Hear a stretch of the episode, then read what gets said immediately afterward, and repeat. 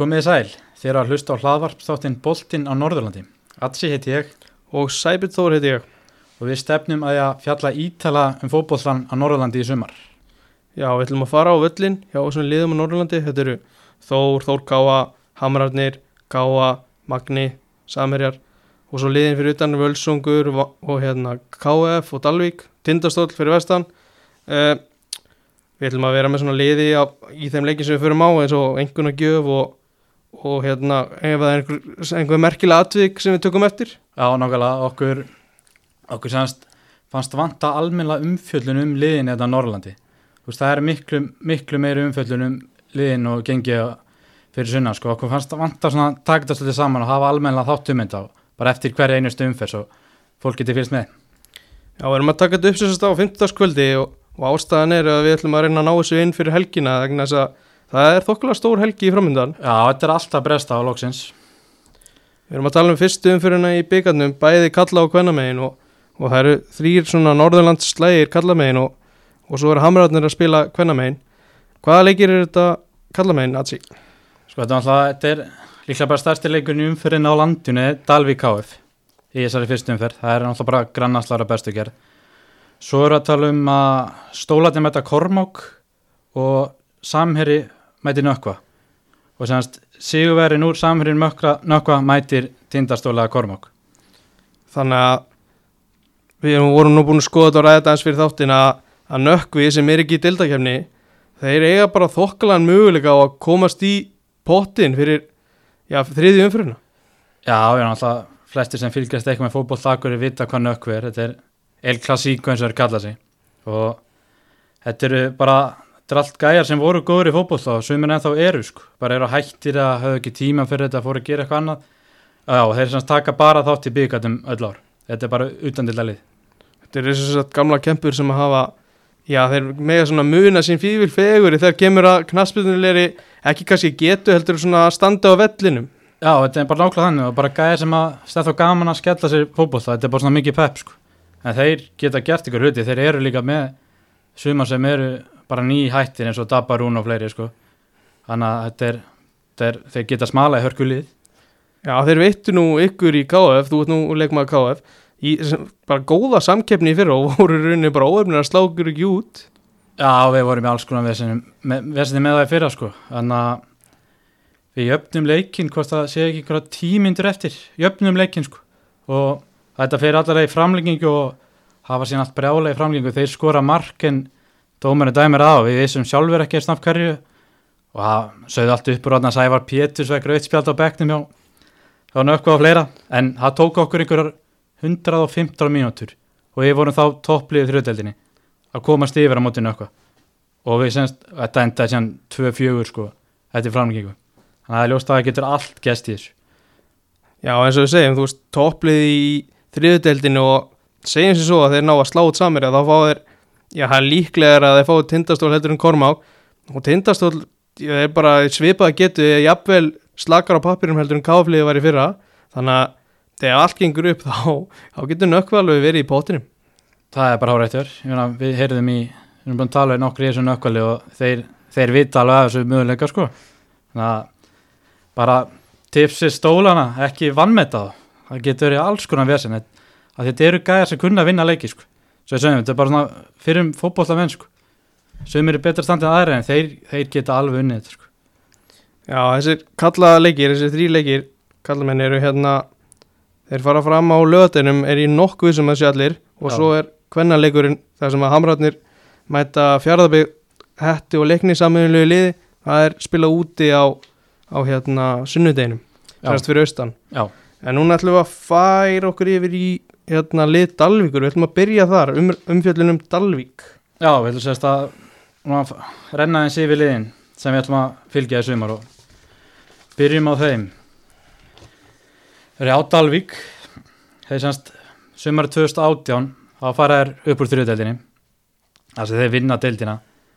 En bara til að segja alveg eins og er þá var þrjóðdeldi bara lélega þetta ásko og það hefur aldrei þurft semst jafn fástík í sögu þrjóðdeldar til að vinna hana og ef við setja aðeins í sammingi hans þeir, vinna deildina á 32 stigum og sá stigafjöldi hefði ekki dugað til að ná öðru sæti í þriðudeldinni allt frá auðvitað stopnud árið 2013 þannig að þetta gefur þetta kynna að deildin hefur aldrei verið í raun jafn slök og þá og þú veist þá plúst það að þeir vinna ekki leiki síðustu sex umferðunum en samt kemur það ekki að sög sko. þeir samt ná að vinna deildin á markatöl sko. þannig að þeir þurftu augljóslega að styrkja sig fyrir aðra deildina sem þeir geru Já, þetta er áhugavert og nefnir hún hafa jöfnslöku, ég er svona er með smá aðtöðsend þetta, fannst þér hún að þú spila nú í einu, fannst þér hún slök eða var hún bara mjög jöfn? Það er, það er vitt að segja. Ég held að hún, mér fannst hún bara eh, mér fannst hún slagræður en tíma blundan sko. Og ég á einhver ég á einhver nokkuð tíma bara sér deild sko. Ég held að hann reynir og hafi bara verið slök sko. Það er allan að mín tilfinning sko. Að því ofta ertu með 1, 2, 3 svona lið sem eru svolítið að skara fram úr. Oftast bara eitt lið sem er langt best það hefur verið kári og fleiri svona gegnum tíðin en þarna. Fannst það vantaði bara gæta þetta ár sko. Með svo sem stíðin tala því máli sko. Já, ég skilji en jú, jú, náttúrulega ég öfn og allt það sko en, en það er allar mitt mat. Ég held að fleiri séu samla Ég skilji, nógum, nógum tímabilið 2018 Hérna, þú ert með eitthvað áhugaður að móla um þjálfara liðsins. Já, þannig Óskar Bræðarsson það þekki hann flestir hérna á sæðinu fyrir norðan og hann sérst kemur frá Káa sem hann var aðstöðaþjálfari frá Túfa. Túfa hefur drillaði hann vel og hann, hann tekur liðin á fyrir tíðanbili annaðdeldinu fyrra og þeir fá sérst öfluga spánverða til sem styrtuliði fá markmann miðjumann og sóknarþengjandi leikmaður. Svo komu st- strákar frá einn hérna nú með Kára kom Viktor Dæði kom aftur heim Dalvikingur Gulli Baldur miðjumaður kom fyrir einn hérna Kristján fyrir Óðins kom frá fjaraðabið hefur spilað á hérna Dalvik en að þeir þeir bætt alveg vel í hópin og þeir náttúrulega þurftu að gera það Já, hann tekur náttúrulega við af, af Sveini sem að hérna fer og aðstóðar hérna Óla Stefán hjá Káa en fer svo yfir í Magna við komum nánarinn hana eftir en hvernig þú veist já, Dalvík heldur sinn, hvað var ekki nokkuð samfærandi í fyrra? Jú, það var nokkuð samfærandi sko. þeir semast um mitt tímabilið fyrra þá bara satt bara að segja að leiti þetta helviti vel út hjá þeim sko. þeir voru svona viðlóðandi í toppártuna voru að rétt á eftir og ég talaði nú eitthvað aðeins við á þeim tíma og þeir voru bjart sem eru að bara fara að berjast á toppnum og við skilðað vel, þeir voru bara örfán stuðum frá þessu en síðan svona mitt mót gerist eitthvað sko, gefa mikið eftir og en síðan eftir allt sem það endar í áttundasæti sem ég held að það sé bara fýtt árangur hjá skara sko, með þetta var fyrsta sísoni er að í annari deildinu síðan 2015 sko, þannig að markmiðið örgulega pott bara halda sér uppi sem er gerðið örgulega, þeir voru aldrei neitt fallbáratu, þannig já, áttundasæti Ég sé þarna þegar ég skoða síðustu tímabilið voru rosalega öflugir varnarlega svona með að við nýlega á eða vantaði kannski aðeins upp á fleiri markaskóra og Borja var langmarkaðistur eða var markaðistur með sex mörg og það vantaði einhvern sem að kannski var já, drúari þar. Það, já, það finnst þú kemur á það, það vantaði og það vantar enn held ég. En eins og segir góður í vörð þeir voru í semst fymta sæti af tóluðum í deildinni sem fekk þessi fæstu mörkin sem er mjög gott, við vorum með öflagan markmann þarna sem er ekki ár og náttúrulega með góð, ja, bara góða vardalínu en aftur á mútið sóknarleikurinn tindastóll sem skýtfjall í fyrra var eina liði sem skoraði færri mörg en Dalík Það er svo nefni markmannin, ertu, ertu klár hver verður í markinu núna? Þegar það er Aron. Hann kemur frá að þetta er uppalinn káamæður og hann ég hef heyrt að hann verði bara aðal markverð þeir eru bara að henda traustun hans sko. hann spilaði með þeim 2016 á einhverju tóluleiki þá. En svo fór hann úst, fór hann út í skóla í bandaríkina hann á ekki marga segja baki en á landinu sko, hann held bara tóluleiki en það var 24 sko. þannig að ég veit að þetta sé fínt markmaður sko, en það er eitthvað sem hann þarf að sanna finnst mér sko. Nei, myndi þess að segja orðin 24 ára komið svona, þetta er svona augnabliki fyrir hann að skína. Uh, Já, þú nefnir að þeir eru búin að fá hann. Hvað eru meira búin að fá í, í vetur? Sko þeir, þeir fengur rúnar frá, frá haugin miðumæður, það er mjög reyndur í þessari deild sko. og þeir fá framherra frá Káa, Áka. Hann, hann var í Magnaði fyrra og hann skorar held ég bara eitt mark í 13-14 leikjum eitthvað svoleiðis. En hann er flottur spílar sko. En þá fer ég aftur að veist, spyrja með sko hvaðan hvaðan mörkin er að koma þarna. Og þeir sem sagt fá hvað ekki mikið meira? Þetta Nei, þeir eru ekki fá mikið meira. Þeir eru fá Þeir eru að missa bara eins og stórn öfn í, í, í Sveinmargeir sem fer í, í Káa og svo já, fer Jonni í, í Kára. Já, svo, já, það og svo náttúrulega spænski markbæðin sem ég hann var einhvers þar í Suður Afríku núna. Og hann þeir er reynd að fá hann aftur en það gekk ekki sko. Já, þú veist, þó þau séu kannski ekki að fá leikmenn þá eru þá mega er alveg vera stoltir að aðstöðunni sem er komin hann og, og þetta er alveg frábær frábært að sjá einmitt myndir bara frá Dalvík þessi gerðugræsvöllur eru bara gífulega flottur og kemur mjög vel út hann Já, þetta náttúrulega liftir öllu bara upp að hæra planatan sko. bara aðstæðan, bæði fyrir þá og yngri lokka og bara allt sko. það er bara allt annað umhverjaldur en fyrir bara tveim árum sko. bara allt annað en já eins og með liði þá þetta er svipað liði fyrir en þeir hafa, freka mistöku heldur en fengið sko. þannig að það er ekki gott en annað eitt sem er komin inn að það Jói hann aðstæðalari sko. Hann, hann þekki allir dálíka, það er tótt engtak og ég held að það muni bara koma sér vel fyrir liði sko. þannig að hellinga reynslu í nærdeildunum og líka bara í efstu deild sko. og hann er yfir, einhver, yfir 100 leiki á Dalvík sko. og þannig að skoraði áttamörki átsváleikum í aðdeild fyrir val landsbakadeildin 2013 þannig að ég held að það sé bara gott fyrir að fá hann inn með, með Óskararna sko. Já, ég sé hérna við erum búin að við erum búin að hérna, undirbúka þokkulega við nefnum þetta styrkleika í hópnum hér það er náttúrulega, það er góður mórall yfirleitt á Dalvík og svona í kringum liðið. Uh, þjálfarteimi er öflugt eins og segir í, í Jóar Heiðars og, og Skara. Og svo er reynsla, það er mikil reynsla í nokkru leikum hann, hvað, hvað leikmenn eru svona leikil leikmenn að þínum mati?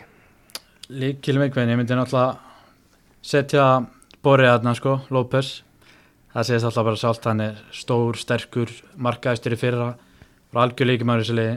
Og Kelvin, mið, miðverður sem fengur fyrir tímanbili 2018 og öðruna deildina, hann er mikið mæða á honum, hann, hann er bara bara bin- binda þess að verða saman sko. komið nýja markmann fyrir aftan svona, ég, hann er algjör líkimæður og svo en nefndi þrjá, kannski þriði myndi ég setja líka Steinaló, hann er fyrirlið búin að vera held ég öll tíðanbyrð síðan 2013 nema einu sinni hálft sísón og er langleikjastur og hann svolítið stjórnarnir svona þannig að já, ég myndi setja þessa þrjá sem líki leikmenn sko.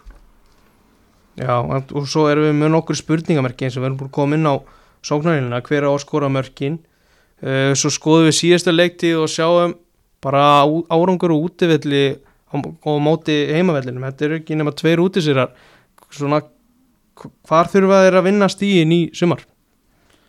sko þeir náttúrulega þurfa að vinna, þeir þurfa bara að vinna nóga heimaleiki eins og þeir gerði fyrra þeir vinna fimm heimaleiki og þá er alltaf lægi að vinna bara tótileiki eða vilja vera í þessum sætum frá 7 til 10 eitthvað svoleið sko. þannig að þeir verði bara að halda heimavellunum sterkum og svo reyna að pikka aðeins fleiri stig úti sko. Og varstu komið með eitthvað, eitthvað líklegt byrjunarlið fyrir tímabilið? Já, ég er svona með drauga því sko þeir þeir prófa að spila 3-4-3 í nokkru leikjum í vetur. Þá semast voru bakverðinir heldur bakverðinir vingbæks miklu breytt og kantrarnir koma meir inn. Þannig að spurning þeir gætu hendi það. En ég held annars að þeir byrja alltaf í 4-3-3 þannig að þá verður Aron í markinu. Svo ertu með Steinalóða fyrirlagi hæri bakverði Kristján Frey og Kevin í hafsendunum og Jón Heiðar uppaninn káðamæður sem flesti þekkja, hann, ég held að hann takki vinstri bakur svo held ég þetta að veri þryggja manna miðja með Borja og Þröst. Þröstur heimastrákur verða með þá tvo á miðunni með gulla þar fyrir framann frá, sem kemur frá einherra og hann, hann er búin að vera að spila í hólunarni í vetur og hann er búin að vera duðlegur að skora. Reyndar var hann með 0 mörk í 16 leikjum í fyrra en hún til Vardar var hann að spila djúpra miðu þannig að ég ætla ekki að reyna of mikið er hann en já, hann held ég að verði í hólunni og svo eru þeir með sko, þeir eru með fremstu þrjá þá verður ákveð bara allir sem strækin þeirra. Ég skila þannig.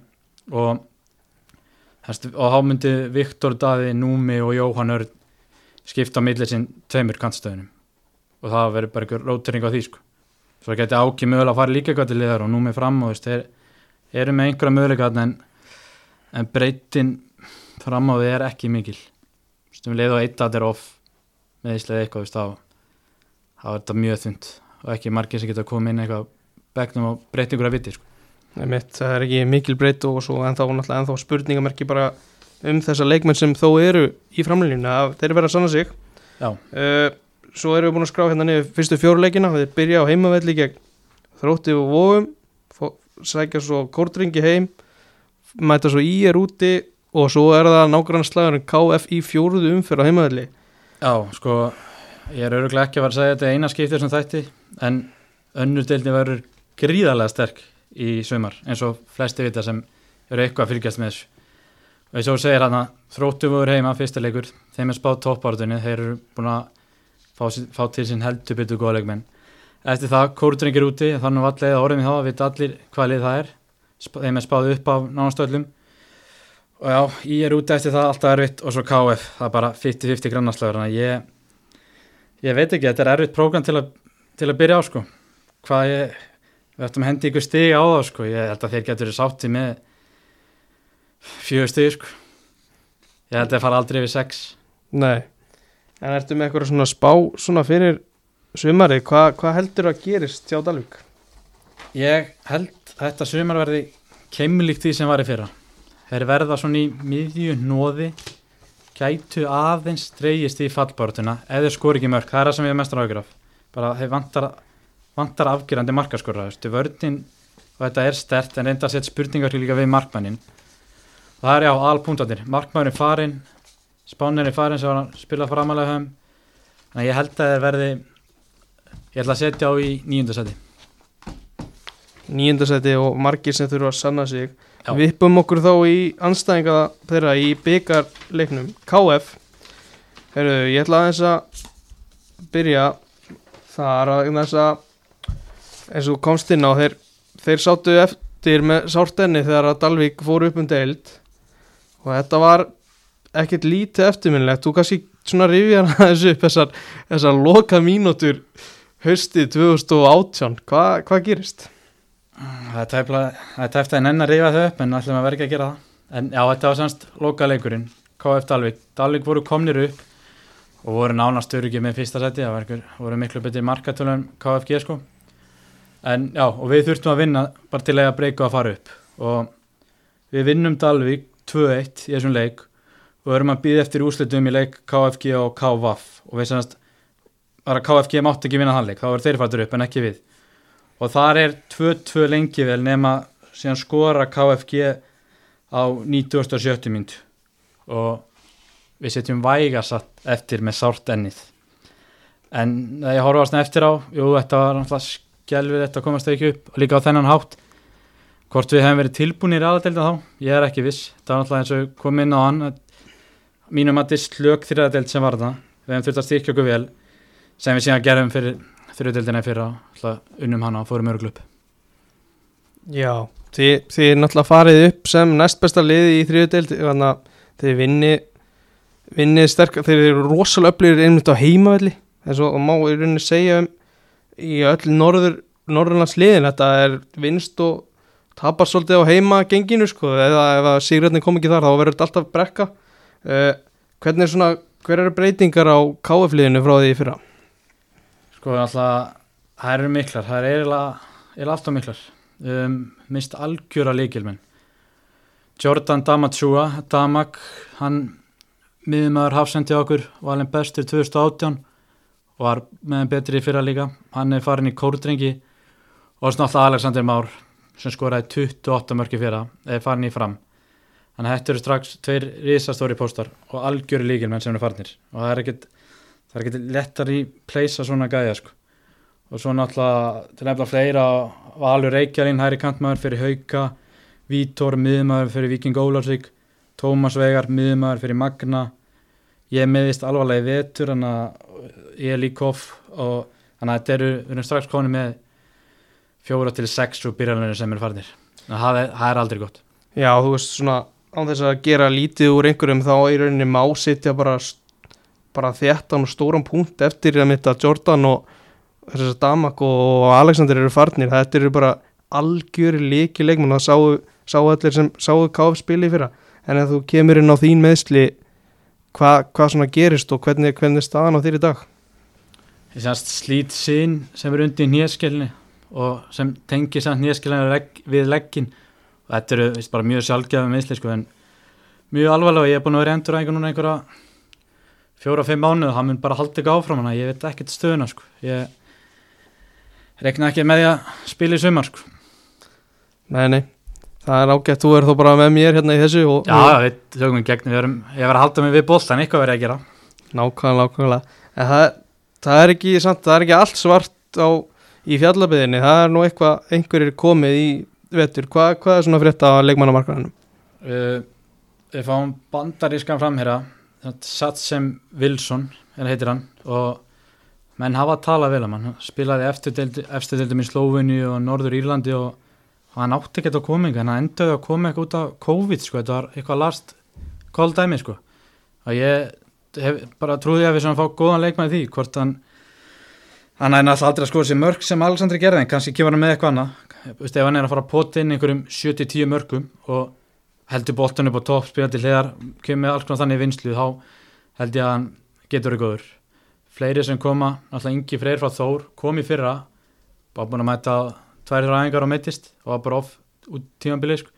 en hann er búin að vera heill, hann var reyndan einhverju aðgerðunum daginn en það var bara að vera fjarlæga skrúfur sem var í fótum á hann en hann er, og svo er hann bara að byrja að æfa aftur hann er heill sem er gífulega mikilvægt. Því líka reynslið sem gæða svo kemur, uh, Hrannar Snær kemur, það er hans, ungur og efnilur uppalinn spilaði svolítið marga leiki með KF sömari 2018 fór svo sögur í að spila með KH en já, hann er hæri bakverð, hann er búin að bæta sér mikið. Þannig að mikið styrkja vardalífuna sem er sterk fyrirfram. Og já, svo er króatísku miðumar komin Emanuel, skilt mann heitir hann spilaði, spilaði þetta með ægi tvö tímanbill og menn segði hann sé mjög öflugur sko. og já, hann er komin þetta er miðjumar það vantar mjög mikið miðjumenn. Jakob Auðun, nánast eini miðjumar sem er eftir þetta að miðjumennum í fyrra sko eins fárlega það hljómar. Og já, svo erum við líka bara að fá tvunga strákar frá Þór. Það er Bjarki og Jón Óskar. Jón Óskar stóru staðilegur miðumar og já, Bjarki er miðurur líka stór. En að ég hef bara heyrt semst heyrt að þessi er öflugur og góður í hópin og það er fínt að hafa þá upp á breytina sko. Já, ég hef heyrt að þessu um Jón Óskar og ég held að hann já, ég, hann verður í rauninni að bara sína hann sé klári í aðradeld í í sumar. Já, sko, ég hef með hann. Hann er stór svona, stór og sterkur og svona, er, svona það er fættir í hann, sko, en er, er að ég heyrði að hann kannski ekki með rosalega sérstakka tækni, það er eitthvað sem það þarf að bæta. Þannig að, já, hann ég veit, veit ekki við hverju að búast við frá hann, sko. Þetta er bara tækverð fyrir hann, það er fundat á miðunni Veistu eitthvað hvort að komi til greina að styrkja eitthvað frekar fyrir tíðanbilið? Já, það er verið að leita, sko það er Þeir voru með semst útlæting frá Viking Reykjavík, Ísak heitir hann. Já, þú veist kannski hvað meira um hann, hann spilaði með fleiri liðum ekki. Hérna. Jú, hann kemur sérst til uh, Vikinga frá fjölni 2018, er, hann hefur verið einhver ár hérna á Íslandi. Uh, ég veit reynilega ekki hvort hann sé fættur hérna ekki, hann er allavega, hann er allavega með hérna Jamaikast nafni ef maður má segja þannig. Já, uh, hann, hann, hann lítur að geta eitthvað, hann er búin að ræfa með Viking Reykjavík núna og var, tók okkar smá þátt með þeim í lengjunni en vil komast að lán og ég hef heyrt með hanna hann er svipað að segja Jónas Garðar stór, sterkur miðumæður en saman með hann svona, menn setja spurningamerki hvernig, hvernig tekník hjá hann og fleira er. En ég hef aldrei séð hann að við, það var bara ekki um að segja sér hann er ekkert komið, sko, hann spilaði hérna í æfingarleikum og dögnablikum daginn og fekk rauðspjált þar endar já, þeir eru allan leita. Já, það verður að leita það verður að finna einhverja lustnir á þeim sem hefa farið eitthvað í staðin Já, svo kynna alltaf líka inn á það, það er ennþá eitthvað í mót sko. við veitum alltaf oft hrúast menn inn að í restina og móti byrja ekki, hvernig byrja deildin, það er ekki 20. eitthvað svo leiðis Jú, hún byrjar eftir rúma viku Nei, eftir tvær vikur já, það er, já, það er nægu tími sko. eftir tvær vikur getur við að fara að tala allt öðru sem þetta lið, skiptir svo miklu máli menn sem kom inn sko. Algjörlega, við komum inn á styrkleika liðsins, við vorum búin að skrá niður að varnarlínan hún þarf að halda og hún hún var sterk í fyrra Já. og bara helt gífulega oft reynu og fekk fæst mörg á sig og það hefur engin farið þaðan eða hvað Nei, það hefur enginn farið það Þess, ekki bara, jú, það fæstu mörgast í þriðudeldin en þó, þó þessi æfingarleikur alltaf en þá fengu þeir tæpla marka á sig framan að vetri sko. í þessu kjartafæði móti og fleiru fengu mjög lítið af mörgum á okkur og já, semst vördin er og ert með Dórat í markinu sem einhverja þúsund, þúsund leikjað í neðardildunum eina sem er kannski vant ef hann að það aldrei verið með almenna samkeppni fyrir mér, þannig að þá geta hann enn meira bætti sko. en já, og svo í miðvörunum eru við með Andrasnæ, Káastrák og Birkir Freyr Andrason. Og Birkir er vægast að áhugaveru spilari. Við fáum hann frá Káa fyrir tímabiliði fyrra skilst það sér uppalinn á Nésköpstað og þetta er bara flug á að gæði dúksaði Emma og hann er að læra að vera læknir og fleira sko og það er mjög hljóðlættur gaur sko. Það- hann segir ekkert en svo bara mætir hann hvort sé í leik eða reytabólt æfingu bara slátrar mönnum hæri vinstri sko. og sama hvað menn hann rífa kjáft með hann og raun yfir hann og mótur þar á æfingum hann segir ekki orð, hann bara kemur sér stöð og við go again hann, já, hann er mjög skemmtilegur og þetta er svona stór og sterkur já, stór, sterkur og fljótur. Og ég held að geti bara mjög vel voru einna líkilvænum í, í sumar sko, hann er líka bara að bæta sér tölvægt með boltan var ekki sérstaklega með það til að byrja með. Og já eins og að segja hann kom frá K og hefur einhver meina skemmtilega að sögja því hann æði þarna eitthvað smá með mistarflokka hann kom til okkar. Og þá bara eins og hann er mætti þarna einhver og straujaði Hallgrímar líkilmannir í K-leginu og hann er náttúrulega brjálaust eitthvað að byrja að hraunir þarna. Hann gerir bara svo hann gerir, sagði ekki orð. Og jokkaði bara aftur í stöðu þannig að ég mælið með að fylgjast með honum sumar. Ég held að þetta gætur algjör líkilmaður og já, náttúrulega síðan hendar hann sjálfsögur aukt spjaldir sem fyrsta grannast að það með KF gegn Dalvík í vetur, lengjubikandum hann var ekki lengi að því. Nákvæmlega, nákvæmlega, þetta hljómar eins og algjör, algjör mistari uh, Við komum aðeins inn á heimavöllin á hann. Hann verður að skila í sumar Útivöllurinn gekk svona eiginlega furðu vel með að við það sem ég fylst með KF undanferðin ár í fyrra sem sagt Já, semst, í fyrir er bara undatenging árunda því hefur útvöldur verið algjör hausverkur sko. það er bara svo að segir hörku heimavöllur heimavöllur hefur bara alltaf skilað þessi völlur er þekktur fyrir það en útileikinir hafa verið mikið bara þangandili fyrir það þá, þá var, var li- liðið að klára þessa leiki oft bara með einu marki og lentur allt oft í strögli sko. en það, í, sumar. En, en, að góða allan við þetta er að, veist, að kjartin af heimastráklanda er ennþá og þeir eru komin með mikla reynslu. Ert með hlað Greta Ráka sem var í fyrirlið, ert með Dóra Markmör Jakob Böðun, Hákonlega og maður geða sem gæðum eru kominir yfir hundra leikina sko, og eru ungir. Nákvæmlega, nákvæmlega. Og svo, svo eru við enda með skráða styrkleika. Þetta eru þetta heimavöllurinn, stemningin og heimastrákar.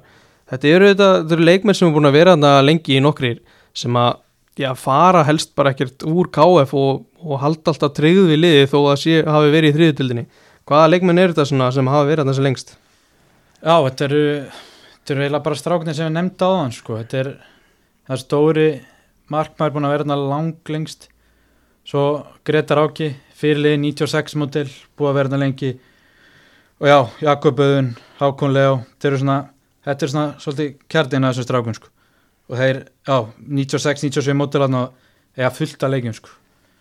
þekkja liðið út og inn og þekkja hvort annan út og inn og þetta er, þetta er styrkleika, styrkleika merki fyrir liðið sko.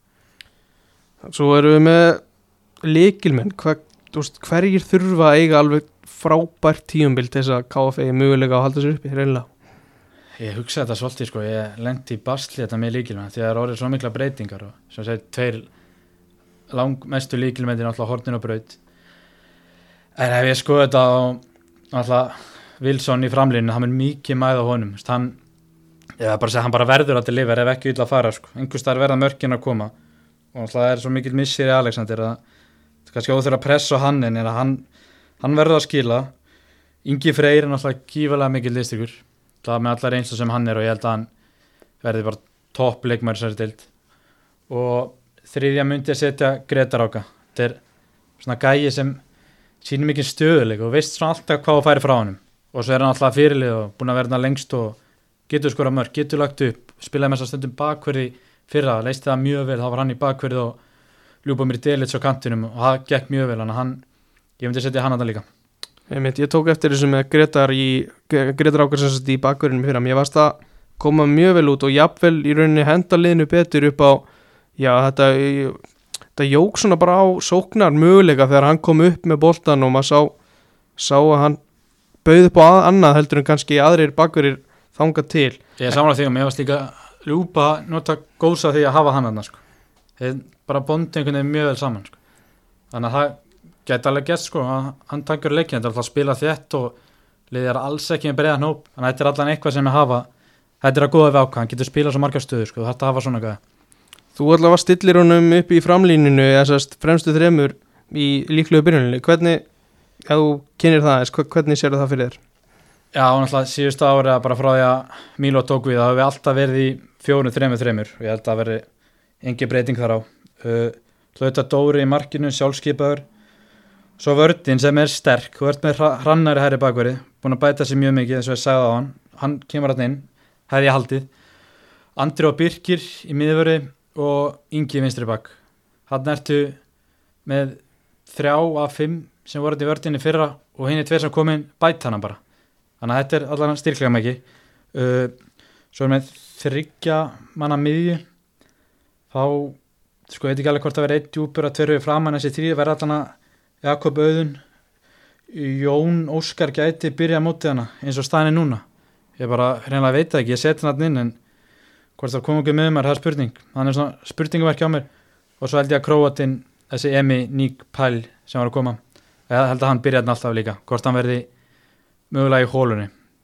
Og já, í hólunni sérst bakvið Wilson sem verður alltaf auðvitað fremstur og svo erst með ljúpa og áká á, sittgóra kantinum og þá er þá er ljúpa vinstra megin og ákja herra megin. Já, þetta þetta gæti alveg gengið. Ég sé allavega bind vonir við að þeir haldið sér í dildinu og, og hérna við ætlum að spá þeim tíundarsæti svona, mér fannst finnst hérna heimavöllinu vera það upplöfur að, að ef hann heldur heldur þokkalega þá, þá halda þeir sætið sín í dildinni Ég er samlað því að þetta er spurning að vinna réttu leikin aðna, leginni kringu sig og þeir geta alveg unnið þá heimavölli sko. Þess að við sjáum bara fyrstu fjóra leikina það er Ír úti Víðir heima, Kári heima Dallas úti. Þetta eru þrjú að þessum fjórum, ef ekki öll, ég veit það ekki þetta er lið sem verði kringu að því haldi samlega því? Jú, ég mitt aðeins verið að fylgjast með annar dildinni aðeins að sjáum spána fyrir fókbalta.net þar þannig að ég sé að menn veit ekki alveg hvað ég er, ég er sett svona í dildinni og, og víðir heima og kári heima þetta getur alveg, þetta gæti dottið í mitt, KF gæti alveg byrja þetta frábælega en svo svo er mitt að sjá svona leikjaprogram og, og svo kannski gengur ítla þá er, er slemt mitt kannski að þessi leikja sér búin í snemmi mótinu. Já, það er veist, ég hef hótað svona ég sé KF, KF geta tekið nýju stigur þessu og ég sé KF geta tekið núl stigur þessu. Alveg 50-50 sko. Þannig að eins og segir á tíunda sæti, það eru flestir að spáðum falli. Veist, við við hendum í tíunda og ég held að þeir verða þarna millir 12 á nýjunda yngstar Já, þetta getur nefnilega alveg hæglega enda illa en vonandi að gera færa það vel. Herðu, við ætlum að þess að hitta betur upp fyrir hennan byggarleik af því að þetta er nú þessir nákvæmlega slagur þeir eru kannski komið leið á umfjöldunum KF og Dalvík en við ætlum að, og, hérna, við ætlum að fá klára aðeins um leikin á löðdæn uh, þau mætast þarna í fyrstu umfjörð mjölkubikarsins hvernig, hvernig lítur svo viðregn út fyrir þér? Sko, ég, svona fyrirfram held ég að Dalvik vinni þannig sem ég segi, KF er búin að missa mikið og við sliðist ennþá eftir að, eftir að þjapa sig saman og það er raun bara ekki klárt. Og með Dalvik vera komnir með sitt lið svona nokkuð deginn þeir eru alltaf mögulega að leita einu til leikum viðbútt en það er bara svo fullt af gutt þessi KF-liðum, fullt af gutt segi, þannig að ég það er alveg það sko en fyrst og fremst fyrst mér bara fínt fyrir þessi tvölið að fá svona alvöru leik fyrir mót Vist, ég, við vitum það báðir að þessi liður ekki að fara að gera neitt í þessum byggar þannig að ég held að ég held að bæðilegin vilja vinna deildalegin í fjórðum fyrir frekar þennan en samt þetta er grannarslagur á teppin á Dalvík en, en já, ég, ég held að Dalvík sé aðeins og undan eins og staði núna og ég held að þeir það geta Já, það hljóma svona eins og þegar þú lýsir þessu að, að þetta verði engin hérna, heimsendir fyrir lið sem tapar en það er mikið undir og mikið ríkur á milli þessu lið þú er náttúrulega sem leikmaður og og hefur spilað með báðum félögum. Hvernig af hverju er rígur á milli Dalvíkur og Fjallaböðar Uh, sko, ég, ég kynist fyrst þessum rík árið 2014, þá fer ég KF og fyrst, fyrir þann tíma veit ég voða lítið. Fyrst, hvernig þetta var það að KS og leiftur voru og var þetta ekki sennig saman þarna eitt árið? Jú, jú. þannig að eins og segja, ég veit ekki alveg hvernig rígurna fyrir það en þetta er, þetta er bara svona klassískur nágrann veist, það er bara ein göng sem skilja sig liða og veist, og þú spilar þessu leiki þá finnur bara, veist, það eru miklu meir en bara þrjú stipu, það koma fleiri áhverjandur þessa leiki heldur en aðra leiki þetta eru lið bara upp fyrir hvort annað. Það verður miklu meira pepp og þetta er eins og segja, bara þetta er svona leikurinn sem leitar strax á, veist, datalni og bara líka sama hvernig þessi lið mæta, veist, við mættum hérna þá Dalík KF í kjarnafæmótunni fyrra það er endaði þrjú þrjú hafa flautumark og fagnaðis og brjálæðingar og það endaði leikmar á spítal veist, það er alltaf, bara alltaf fullu þessu sko. en veist, ég held bara að það sé mjög holdt að hafa hennar rík og það geggja að fá aftur þessa þessa slægi í annar dildin, það var síðast mættist þau 2015 held í annar dildin sko. Ég, held, ég held það en, og já, og bara veist, eins og útlendingar sem koma sér lið, þeir fá strax að vita þú hatar lið hinn minn þeir, þeir náð því mjög fljótt sko.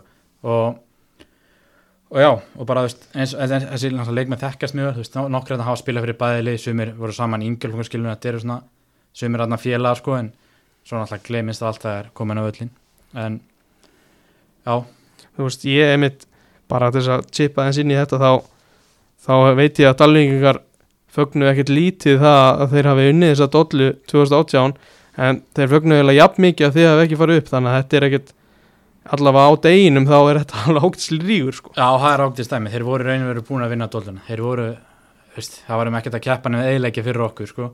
og, og þeir náttúrulega bara styrlast og fögnu það kemur ljósa KFG setur hann, en veist, þetta er ekki, ekkert bara þeir eins og menn ekki að KF slátræði dalvíkina 7-0 árið 2015 þá voru KF bara að fagna öllum mörgum eins og heimsmeistara sko. Veist, það 15, 17, 17 markin þetta er svona rígu sko.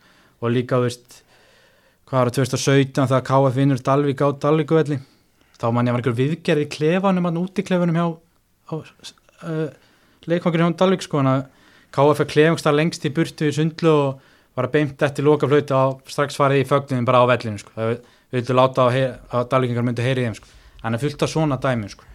Og svo eitt skemmtilegt dæmi til þessum rígin svo KF 2014 þá sektarsjórin, það er alltaf veist, það er reglur að þessi banna henda russult og gutt þegar hann fara æfingar að keppninsverðlug en svo þetta ekki skýrst fram nema þegar við keirum í gegnum Dalvík. Þá helst þurftur að henda út allir russling sko. þetta er svona, þetta er svona, sko. þetta er svona, svona skemmtilegir ég er Já, þetta er væga sagt, þetta er væga sagt öðruvísi hérna við erum búin að punta niður síðustu sex ár viðregn þess að liða. KF er bara með tagl og haldir á, á nákvæmum sínum í Dallas Já, það er bara hár eitt hjá það sko. Þetta eru 6 KF sigrar 1 jafntefl og 1 dalvíkusur það er KF er, það er það sem hjálpaði mögulega fyrir deildina líka. Það eru með mjög gott takaðum og með þess að líka í undirbúðsleikinum reyndur einum dalvíku að vetur en síðan 2-3 ára bara ég KF hefur tæp, falla tap á móti dalvík það er allan að vinna með KF í þessu sko. Algjörlega. Uh, Þessi leikur eru á lögdæn á, á Dalvík. Þannig að við kveitum bara alla sem að sjá sér færtum að mæta að mæta, þetta er alltaf hörku stemning. Ég allavega mætti sjálfur á KF Kórdringi í fyrir og það var hörku stemning hjá KF munum þannig að ég vona, ef þetta er eitthvað í líkingu við þá stemningu sem myndast þannig þá bara allir að mæta, það var frábær upplifun. Já, það er fátt skemmtilega en svona. Það fullt af fólki mætir sko. þannig að við ætlum samt næst að fara yfir í þriðja byggaleikin í rauninni við ætlum að taka fyrir tindastól þar þegar þeir mæta Kormák Kvöt uh, förum bara aðeins yfir stólana. Hva, hvernig lítur þetta út í sumar hjá þeim? Sko, þeir náttúrulega, hvað, þeir skítfalli fyrir úr annar til, þeir eru tólstíðum frá örugusæti þessu undanfæra á 2016 slóður Íslandsmyndi þrjóðdeldinni, þá vinna þeir held ég 17 leiki á átján sko. Þeir eru, já, slá Íslandsmyndi eru flesta sigra í, í röði þrjóðdeldinni svo 2017 farið í aðardeldina bara solid, sjötta setið þar og 2018 áttunda seti þannig að voru svona að byrja svona stabilar sig í annar del en svo kemur þetta tímabili fyrir það sem að fyrir allt í fjandan sko. Já og svo þeir skiptum þjálfara mitt í, á miðju tímabili fyrir að Jamie kemur inn og hann stýri liðin í sumar. Já, þarna, já, með Jamie var búinn að hlusta hérna svona Óskar Smára er að tala um tala um stólun og hann talaði vel um Jamie sko, þetta er semst englendingur sem tekur við liðinu á miðju sumri fyrra og stjórna þá liðinu. Og, og það sem ég heyri úr þessum bæi er að þeir bara að stefnu upp sko, þetta er mjög metnað fyrir þjálfari, hann er með þarna skúlsen, Arnar skúla, kongurinn alvöru tindastóðsmaður með sér. Og sá gæði náttúrulega þekkir alltaf inn út. Þannig að ég held að ég hef trúið þessu þjálfartemi Já, þeir stefnu upp en það, er, það verður alveg hörkuð þriðdild, maður hefur heyrt mikið um að, hún sé sterk. Uh, Við sé hérna að Benny er honum fyrir lið og hann hefur náttúrulega verið hérna lengi upplöðu spilari. Hann hefur spilað 200 leiki hérna og svo talað þú um Óskar Smára. Hann, er- verður hann eitthvað með hérna, veistu það? hann skipta hann yfir ég skilst að hann verði með og hann, þetta er skemmtilegur gæði hann er með mikla reynslu nærdeldunum og það spilar það spilar svo stort útlöki sem alltaf Benny líka og Óskarsmáður er bara með hann er bara með gæði, hann þekkir þetta. Og veist, hann var í, var í Kormáki kvöt og allt hennast þar undan. Og ekki bara hann á vellinu, þá var hann geggjári í klefunum þannig að það- er mjög stert að hans er komin og það er séð með með hann kjarnaður sem heimastrákun sko. eins og hann nefndi Ben á hann hann er allt og góður í þessa trjóðtil ef hann bara tekur tekur svo bara á og nennir að og nennir bara að spila eins og maður í sumar þá geti hann bara lappað yfir þessa tild Algjörlega, svo, svo las ég vettur að Konráð, ha- hann ætlaði að fara yfir í völsung en svo var Óskar Smári eitthvað að jarma um það að hann yrði bara með stólunum og hann er náttúrulega er einsluð mikill reikmaður og klálega mynd nýtast þeim í þriðutildinni ef hann verður með þeim þar. Já, ég vissi ekki þessu, það, þetta er bara mjög góða fréttir ef hann verður með þeim, sko, klárlega. Uh, Já, þeir náttúrulega missa samt eins og þeir áttu ekki rosalega góða leiktið en þess að segir í annar til þeir missa samt Fannar, Kolbeins í Magna og, og Sverrir Þeir líka. Já, þetta er náttúrulega báður hafsenda þeirra, báður miðverðinir í liðinu fara, það er, það er ekki gott, náttúrulega fannar Kolbens er henni ekki uppælanda þannig að það er alltaf slæmt að missa hann. Uh, þeir fá einhverja breyta neðin herði hvað, hvað voru margir, tveir eða þrýr en en ég veit svo sem lítið um þá sko. Nei. Þetta er svona spurning hvernig þetta mun ganga á heimaðalli Þetta er eins og höllið fyrir norðan Þetta er auðvitað stemningslið og, og maður veit bara það sem maður hefur heyrt á Óskarsmór og það sem þú veist um hann líka er að hann er gefið með stemningu í, í lið sem hann er í klálega, eins og segi, geggjári klefanum og þú veist, ef þú ert liðið þriðdeldinni þá ertu ekki að nenn að fara upp og fara á krókin og spila þarna á mótið, sko. ég get lofað því sko. þeir, þeir verða sterkir hann í sumar þarna þeir þurfa að sækja, sækja mörg stig hann sko, og þeir munu gera það aldrei Við ætlum að spáða svona um miðja svona gengi um miðja deild, sjötta sæti. Já, þegar ég les það, þá ég líði nú henda þeim upp í fymta en við sjáum til hvernig það fer. Se, Eh, se, setjum við fjóra Fjóra Herðu, þeir byrja á útileik í deildinni sem sagt. Þeir byrja heima, Já, heimaleik, já. Höttur hýn heima. Hva, það, það er bara hörkuleikur. Ég held að höttur hinn verður í toppartunni, ég, ég hef heyrt það sem er gott lið og 50-50 leikur fara síðan vangir úti. Vangir eru nú með eitthvað breytli en venjulega er vangir útiðlega alltaf erfið leikur, þeir hafa verið nála til síðustu 2-3 ára að fara upp á sér deild sko. og eftir það kemur KFG heima sem fjallur annar deildinni fyrra, en þetta er hörku prógram í byrjunum fyrir þá. Algjörlega. Uh, Þeir byrja auðvitað náttúrulega fyrsti leikur er á móti Kormaki Kvöt og svo mæta þeir annarkvort eins og við sögðum í byrjun og mæta þeir annarkvort samherju með að eða nökkva í næstu umferð ef þeir vinna fyrstu umferðina. Eru úr tindastól ætlum við að fara í Þór Káa og í kjölfæri Hamrana. Uh, Já. Já, það er, það er spilum einhvern æfinguleik á dögunum, eða ekki? Jú, þær mættu gróttu í æfinguleik á dögunum og sigruð 3-0 Já, Uh, það vakti svona aðtekli á mér að Harpa Jó var í markinu en þær voru búin að fá Loren Amy frá stólunum. Já sem er styrkur. Algjörlega, þetta er samkeppni um markvarastöðuna. Spurning hver, hver verður í markinu í sumar? Já, en náttúrulega Lauren hún leik með stólum í kassu í fyrra. Þetta er markverður bara sem stóð sér mjög vel í kassadeldinni og og heyrði það nú að hafa verið mjög hrifin af umgjörðin og fleira hjá Þór Káa þegar hann kom þannig að þetta mun bara styrkja þér. Já, og svo förum við yfir í varnalínuna þá erum við með Gabi sem kemur sem sérst kemur fyrir þess að ferði þetta tímabil og Huldakarinn er svo í miðurinu með Örnur Sif. Arnar Sif náttúrulega þekkt stærði í þessu og, og verður klálega líkilmaður Já, klála Huldabjörg svo spilaði hægri bakurinn allavega fyrir í háluleik uh, svo var hann með þryggja mannana miðju. Heiða, Snædís og Margrét spilaði á miðjunni og vinstri vangurinn var Karin Marja Hulda Ósk var fremst og Marja Katharína var á vinstri vangnum þetta er svona, þetta er ennþá að myndast hjá Þór Káa Já, það er erfitt að segja hvort starti verður einhver líkingu við þetta þegar móti, er móti hefst sko. það er náttúrulega að fá eins inn núna bara á dögunum Berglindi Balduðs frá og bara heim í rauninni, heim til lagur frá breyðablík Já, uh, svo er eins og maður sér þá Lára Einars ekki að spila þennan hún byrja allavega ekki þennan leik. Ég veit ekki, ég veit ekki hver, hver er komið inn á nefnilega. Nei, uh, svo þú veist þetta er þetta munur líklega bætast eitthvað við þetta fyrir mót ég hef ekki heyrt neitt annað. Um, en annars þá en ég, það er verið strökli held ég. Já þetta er ekki, þetta er ekki alveg þú veist við, við fyrir norðan við, við lókum dollunni 2017 sko. Þetta er aðeins breytti tímar. Þeir eru breytti tímar. Og, en við, við erum bjart sínir og Já, það er náttúrulega að fá mikið á veist, ungum stelpum inn í liði þetta eru stelpur sem við kannski ekki marga leiki veist að baki. Það er fá, fá Rakel Sjöp hún á stúðun alveg 44 meistarálsleiki og spilaði með hömrunum 2017-18 og var náttúrulega þessu Íslandsmeistarari á öðrum flokki, Þór K. hömrunum eru Íslandsmeistarar í fyrra, er ekki rétt mér? jú, Já, og það er fá svona, það er fá síðan Arnar Sól Sævarsdóttir kemur, hún var líka þessu annarflokksliði uh, framherri, það getur líka að spila á kantinum og á Magdalena, þú veist eitthvað um hana já hún fór aðeins út hérna til Skotlands í vettur og, og en ætlaði sér, ætlaði sér að vinna sér sæti í Þórkáliðin í sumar. Uh, það er alveg spurning einmitt hvort að verði margar úr þessu annarflokksliði fyrir þess að spila með Þórká eða hvort það fari hvort það fari margar í Hamrana.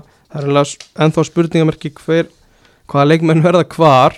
Já, það er náttúrulega spark spekingar er að spá að það verði svona í fallbaróttinni já, það ég, ekki, eða svona í kringum það svæði sko. Já, mér finnst það svona raunsætt með við hvernig, ef maður lítur á breytingarnar, þú, þú sér bara Sandra Meijor sem er búin að vera frábær í sér deild, hún, verður, hún fer í, fer eftir síðast tímpil, fer til Mexiko og ég hef ekkert heyrt, heyrt meira en ég spurði andra um áramótin, þá kom nú svona alveg til greina að fá hann aftur, Já, en ef hún kemur ekki þá spyr ég bara hver er að fara að skora mörkin hann nákvæmlega þetta er, það er stóra spurningin.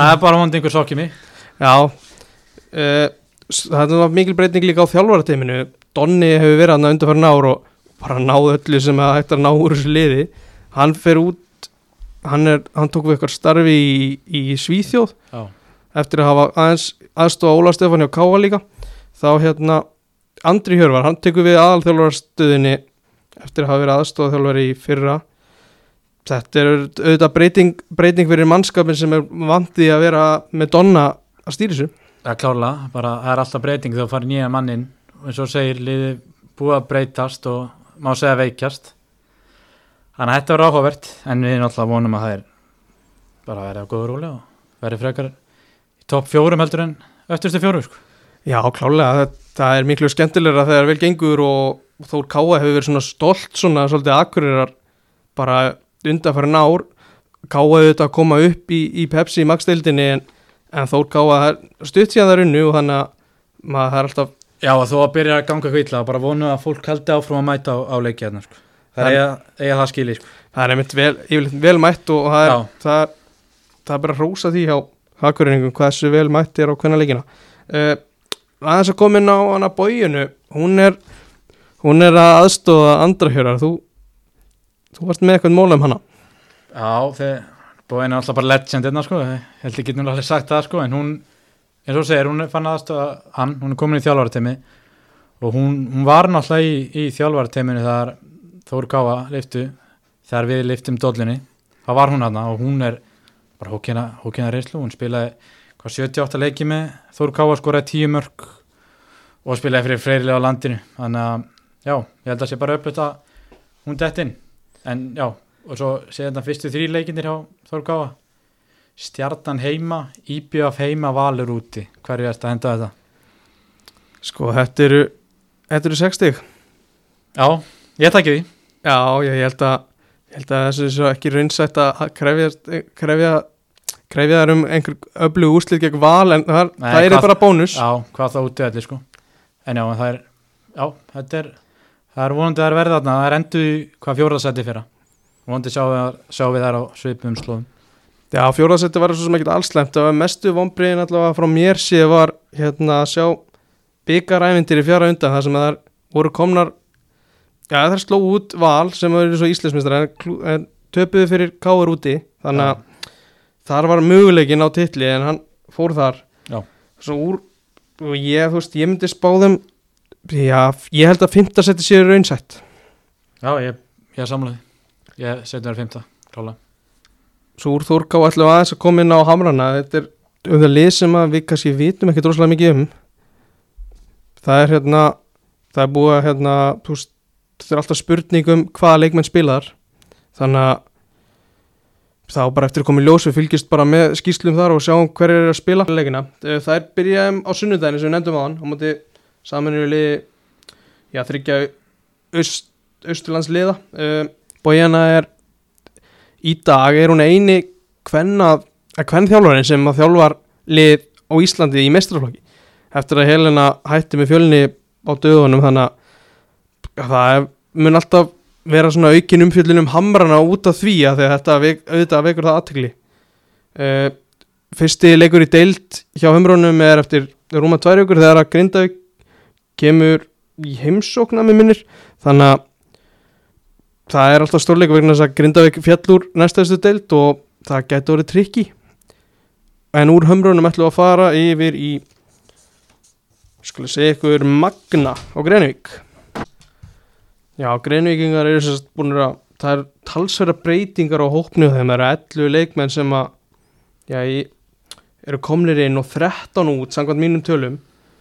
Uh, svona helstu púntar er að Louis Wardlu verið áfram spilaði vel þegar hann kom síðasta sömur á miðunni Já, mjög vel. Uh, Ólafur Aron fyrir aftur á móti yfir í Þór þannig að það er alveg þú veist svona akkeri á miðjunni þó að það sé ekki djúbu leikmar, djúbu miðjumar þá er hann að stýra hann miðjuspilinu vel á sí, síðast ári. Mjög vel og hann er klálega missir En þeir fá, eins og er ekki Alexander Ívan sem kemur á móti frá Þór? Jú, hann kemur á móti, Þannig að hann er áætlaði til að bara fara í hans skarð og það er, það er flottur spilari hann lítur um þetta að vera og ég hef heyrt eitthvað Guðni Sigþórs farið mögulega í Magna aftur frá Þór uh, Já, á, á lán. Já, á láni. Já. og þeir fá ég talaði við Svenna í dag eða sem sagt í gerkvöldi eða þeir hlustu þetta á föstu degi þá hérna hann talar um að þeir eru að fá annan breyta með Lewis og hann er hérna vangmaður þannig að þeir eru að fá styrkingu þar. Uh, við erum að tala um að stuppur er vantilega aðalmarkmaður núna það er svona aldrei verið kannski augljósar hann sé númer eitt eða hvað? Já, ég bara samla því sko maður hefur aldrei svona vitað almennilega hver hefur verið númer eitt hana það var svolítið að vera rótir sér stöðu sko en ég held að það sé rétt þér, ég held að stupur sé númer eitt. Já og þú veist, og svo við förum aðeins fram á völlin þá missa þér missa þér s- hérna Svenna, Sveinóla þannig að sem er, það er reisastór skar, þeir missa hann miðvörð Arnager, bakverður hættir ég er ekki rétt, jú, Ívar það var fastamöður að það, bakverður hættir. Það er næstu búin að missa þrjá úr varðalínu algjörlega veist, og síðastu tímabilega þetta var annað ári röð sem að bjarga sér bara nánast ótrúlega nátt hvað voru er ekki fallsett í 40 myndur það var ekki svoleiðis í fyrra? þetta var, já, annarkvort fyrir að tímabilega undan. Þetta var, ó, þetta var aðeins já. meira samfærandi held ég núna síðustu leiktíð. Já, en, og þetta batnaði mjög mikið eftir að Sveit tók við þetta var í rauninni komið eitthvað þrótt undir stjórn Palla og hann fer frá borði eða hættir eða hvernig það er. Já, þá, þá kemur að kem- koma ferski vindar með nýju leikmönnum og, og nýju þjálfara. Uh, svo heldur kannski aðeins áfram með leikmann sem þeir missa. Það Lars Sóli farin í kórdrengi hann fyrir kórtin ekki? það er, það er mikil missir. Algjörlega, þeir fá Helga Snæja láni frá fjölni það er leikmaður sem ég þekki aðeins til. Hann er spennandi, þetta hann þarf svona að sanna sig í þessari deild, hann geti geti hérna, hann geti bæði list hægri bakurinn eða miðjunni. Uh, svo aftur komum við inn á Svenna því að mér, þetta er þjálfari sem að þetta er svona vekur aðtökli á mér hvernig hvernig hann hefur unnið sér svona upp í deildun já, já klála, þetta er, þetta er grindvikingur ekki, Jú. Jú, og hann kemur frá Grindæk sem leikmaður til Magna eða ekki? Og verður aðstæðþjálfari 2017 Já, var ekki? Það er ekki rétt, Jú. við minnum það. Og er hjá Magna þar. Og já, hann tekur við Dalvik á miðju tímabilið 2017 Ok, það, já, ég er nokkuð sem að Dalvik, jú, Dalvik voru hann í ruglunu fyrir hlutan 2017, voru algjöri fallbartu þegar það var allir rúnar með það. Og Já. allir rúnarsson. Já, já. Og hann hættir þarna miður tímabilið þá kemur þetta svennarinn og eftir það bara gjör breytist ekki bara spilamarka meðan einhvern veginn svona, kringum liðið allt bara einhvern veginn breytast mikið. Og þeir bara enduð það tímabil bara langt fyrir að falla, bara signa leikna sjó. Og svo alltaf vinnur hann dildina með á ári eftir Og fyrir svo aðstúðar Óla Stefán allavega fyrir hlutan 2019 er svo búið að ja, sækjurum er búið að taka við Magna og heldur þeim uppi sem náttúrulega bara fárlega vel gert. Já, hann alltaf tekur við að þeir voru í bullandi vandræðum sko. og hann, hann gerir svona segja, bold moves það hann kemur að það veist, hann, þetta er bara Gunnar Örvar á bekkin einn af bara besti leikmaður lið sem heldur getið sagt sko. það er ekkert allir sem að gera það. Setur hann á bekkin og því hann, vill, er hann vildi spila með svona hraðari já, hraðari leikmenn frammi og menn þetta kemur mjög vel út fyrir hann. Hann Gunnar Örvar var bara dett inn á þetta í, leikjum. 10-15 mínútur sko.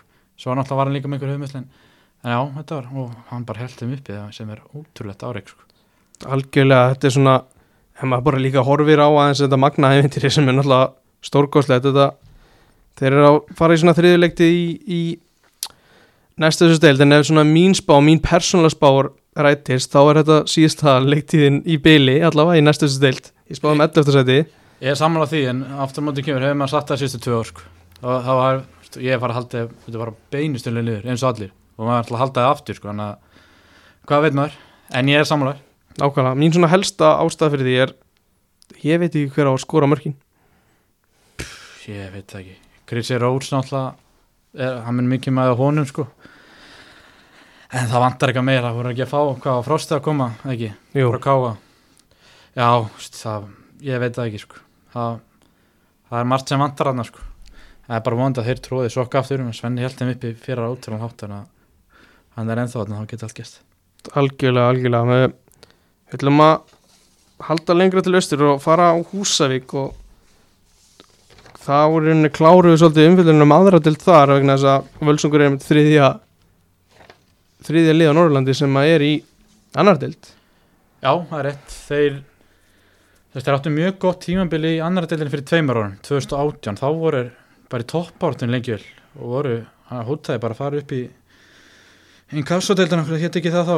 Og þá enduði semst bara fimm stíðum frá að komast upp 2018 í fyrra lendaðar í sjötta seti og þeir voru mjög mikið svona jójóliði fyrra. Þeir voru að bara oft bara vinna og tapa til skiptis. Og kannski svo við tölum um Dalvik áðan sko. Eh, Völsungur skorar næst fæstu mörkin í deildinni jafnmörg mörk á Dalvik. Og það voru bara svona staðins stólarnir sem skorið færi en Dalvik og Völsungur. En að en aftur á móti að fengu að líta mörgum á sig sko. þeir voru alltaf með á sterka, vörn. Og en ég sem er sóknarleikin, markaðasti leikmæður var Ásker Kristjáns með 6 mörg þetta er bara svipað, með Dalvik. Það vantaði af- afgerandi markaskora algjörlega. Uh, þetta er svona spurningum núna líka leikmannabreitingar vegna þess að ég sá lista í dag þar sem að ég sé að 11 leikmenn eru farnir frá liðinu en það er þrýr komnir inn. En það er, það er að vera tveir útlendingar og stórt nafn, áðetnafn hjá Völsung, það er Sæður Olgers þann, hérna, hann þarf algjörlega að blómstra held ég, til þess að Völsungur ég verði ekki bullandi fallbaratu Já, hann verður að gera það og ég held að hann sé alltaf að fara skilningur í mörgum sko. hann er flott, flottu leikmæður þessari dild en já, hann mun mikið með honum eins og, eins og segja aftur veist, þetta er bara svo svipað þreymur liðum sko. eins og með KF, hann mun með á strækirinn þar veist. þetta er allt mjög svipað með þessi þrjúli sko. en þetta verður, getur í mjög örutt Algjörlega, við, við erum að spá Völsung í 11. sæti þannig að Dalvík er í 9. KF í 10. og, og Völsungur í 11. þetta Já. get, verður bara as það verður brasjá, þú veist, við hendum eins og svona fram en þessi er raun og verið þetta bara random hvað þessum liðum getur lenda hvað sko, eða hvað fjallett eða þú veist, Hölsnugur í nýjunda þetta er svo er þetta að segja en við allan teljum að öll þessi þrjúli verði á þessu bili sko. bara verði að í, bara í byllandi fallbaróttu sko. Og náttúrulega það hjálpaði stólunum ekki að missa nei stólunum, völsunga missa Fox til þós var valin bestur aðna í fyrra miðverur og það var svona fjölhæður varnamæður 25 ára. Og já, það, náttúrulega, það hjálpaði mig ekki. Það var mjög, mjög, góður fyrra. Já, og þú veist, svo erum við að tala um að hérna að hérna, þú veist, þetta eru það er ekki rosalega mörgnöf sem að ég sem að, á hérna aðdáðandi bara boltansatna fyrir norða þekki í völsúsliðinu, hver er svona líkilmennir frá því að séð? Sko, það er, það er bara sér, þeir eru með, alltaf ennþá með þessa heimestur og hvað þessu öflið, þeir eru alltaf með Bjarka, Baldvins, það er ekki, Baldursson, er ekki, jú, þeir eru með alltaf mann að vita allir hvað það er, alltaf var í Ká og ég veit ekki, hann endurasta leikmenn á fyrirlið, hann og Guðmundur Ólin alltaf líka, það er ekki að kynna þessa gæja, þeir munu bera þetta lið svolítið uppi og svo alltaf þeir tveir og Sæþór, ég myndi segja að þetta, þessi þrýr gæðar séu algjöri líkjælum og eins og komst inn á þeir eru alltaf búin að missa mikið leikmennu alltaf ríkara mikið magn og Bambi Nonna alltaf er hættur með alveg völsung sjarta sá. Já, Bergur Jómunds. Þetta er- kom mér aðeins óvart að lesa það en, þú veist, og svo ef við förum úr því yfir í fyrstu fjóruleikina þá hérna byrjaðar á Njarðvík úti sem er spá bara byllandi tóparötu haugarnir verða klálega ofalega í deildinni að ég held. Selfoss verður bara í efst, einu af efstu tveimur og, en fjaraðabygg það er svona þar ég sé eiginlega bara möguleikan á fyrstu stíðun þar. Já, ég er bara samanlega þetta er mjög erfið byrjun en ég veit ekki, ég er ekki alveg samanlega með haugana mér veist, jú, þeir eru með einhverja góða leikmenn mér veist mjög skrítið hvernig þeir hafa styrst sig og bara mikið hruna svo klúbingunum finnst mér. En kannski er að bylla mér en þeir eru alltaf miklu flotta spila en ég er eftir að eiga séns í einhvern annan leik fyrir utan fjárðabið þá held ég að það vera haugar það er líka heimaleikur þannig að haugar heima, fjárðabið heima er séns þeirra sko. Þetta njarðið út að selfars úti er ótrúlega reitt en svo náttúrulega mótið kemur er gott að fá njarðið út í fyrsta leik? Og er það oft ofant úslitt og það er býst engið við neitt en þar. Geti unni, maður veit ekki. Það getur nefnilega alveg vel gengið. Uh, hvernaliði hjá Völsungi þær, eru í fyrstu deild eftir að hafa unni aðra þetta bara mjög sannfærandi. Þær er sérst komin upp í lengjudeildina. En að ég set svona spurningamarki eins við vetur þar vegna þess að John Andrews hættir eftir síðustu leiktíð. Það er hérna það tekur langan tíma að finna, næst, að finna hans hérna, eftir, eftir mann. Það er Alli Jóa, hann tekur við þessu. Uh, svo nefna einhverju líki með þá, þá veit ég að Harpa Áskis er að verður alltaf bara völsungur þarna hún er öflug. Krista Eik, mjög öflug í fyrra. Hún verður að halda áfram.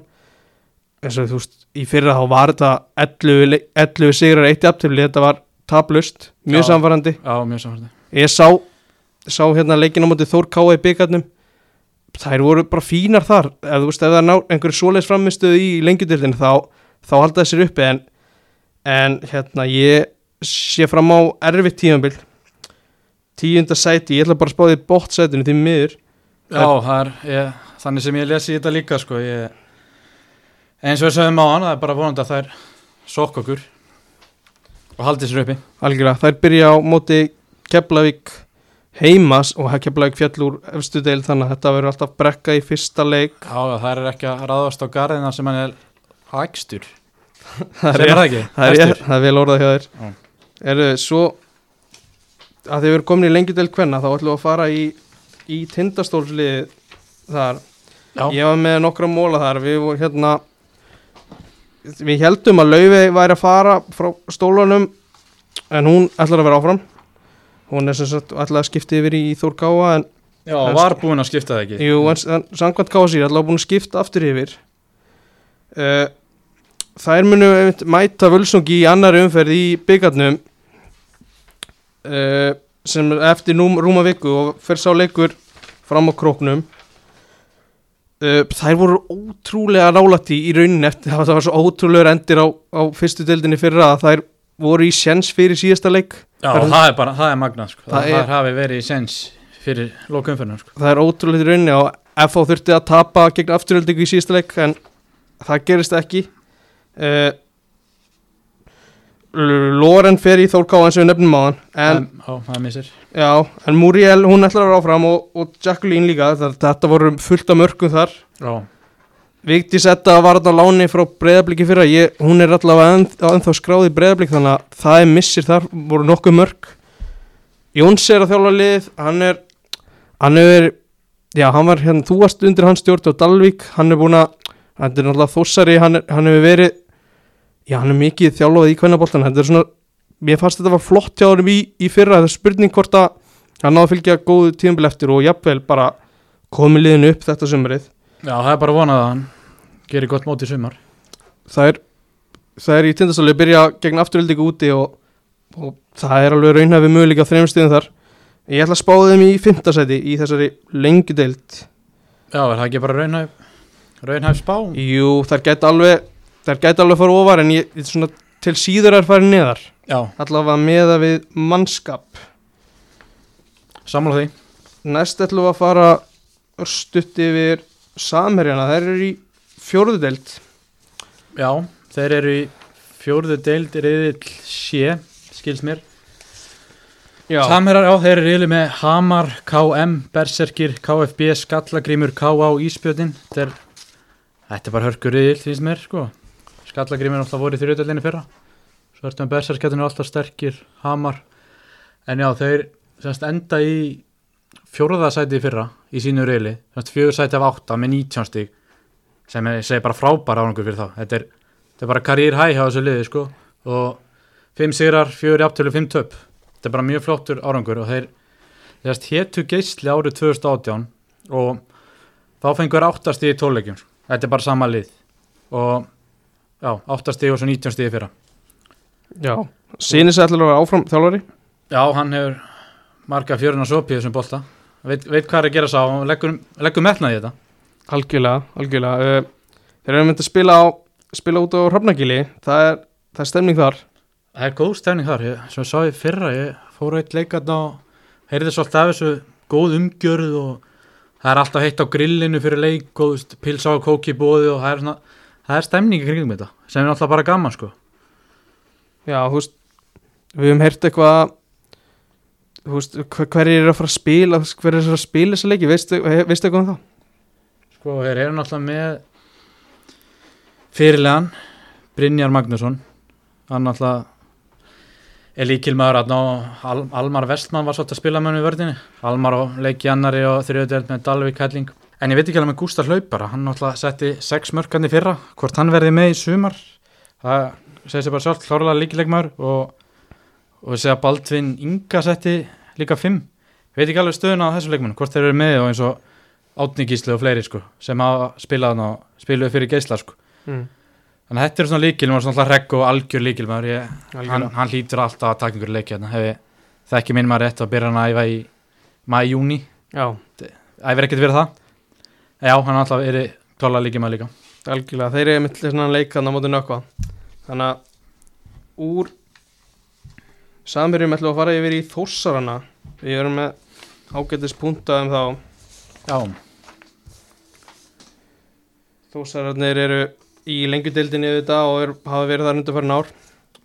Svona áður en við fyrir lengra þá, langa, ég langa vera að velta þetta spurningu því, hvað er það sem hefur klikkað á þeim undanfærið? Þeir hafa verið toppart en hvað gerir svo?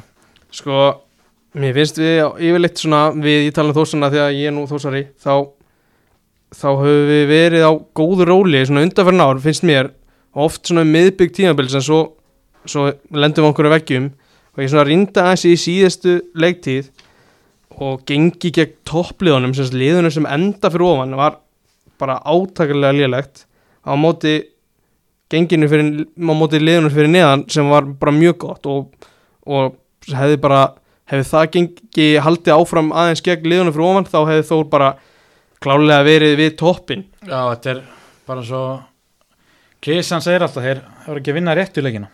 algjörlega, algjörlega þetta, var, þetta var eitt sigur á móti fimm liðum fyrir ofan sem er náttúrulega ekki nógu gott. Já, það er ekki nóg gott.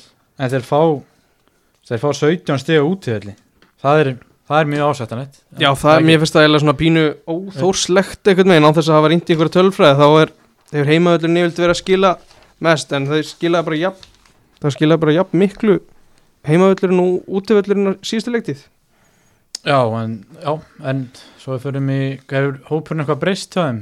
Þetta með það, komnir farnir?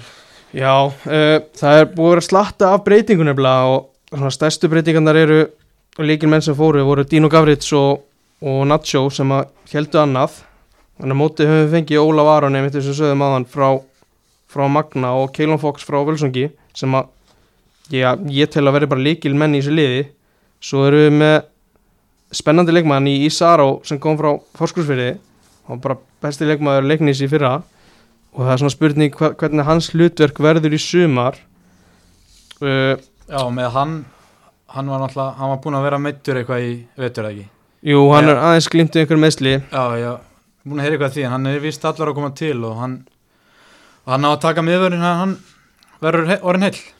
Já, en svo má náttúrulega ekki gleyma samt svona eiginlega í því stærsta frá síðustu leikti því að Ármann Pétur Ævarsson er búin að leggja skóna að hillinu og að leggja skóna að hillinu og það er það er að þetta var hjarta hjarta liðsins oft og tíðum fannst mér að því að hann setti tónin þegar þurfti að setja tónin og, og þó manni fannst oft fannst hann oft fá ódýr og heimskuleg spjöld þá var þetta þá tel ég að það verið einhver hugsun á bakveg einhver svona þess að kveika í, í sínum mönnum og þetta er eitthvað sem við þurfum að finna annars staðar en svona eldmóð og þennan vilja.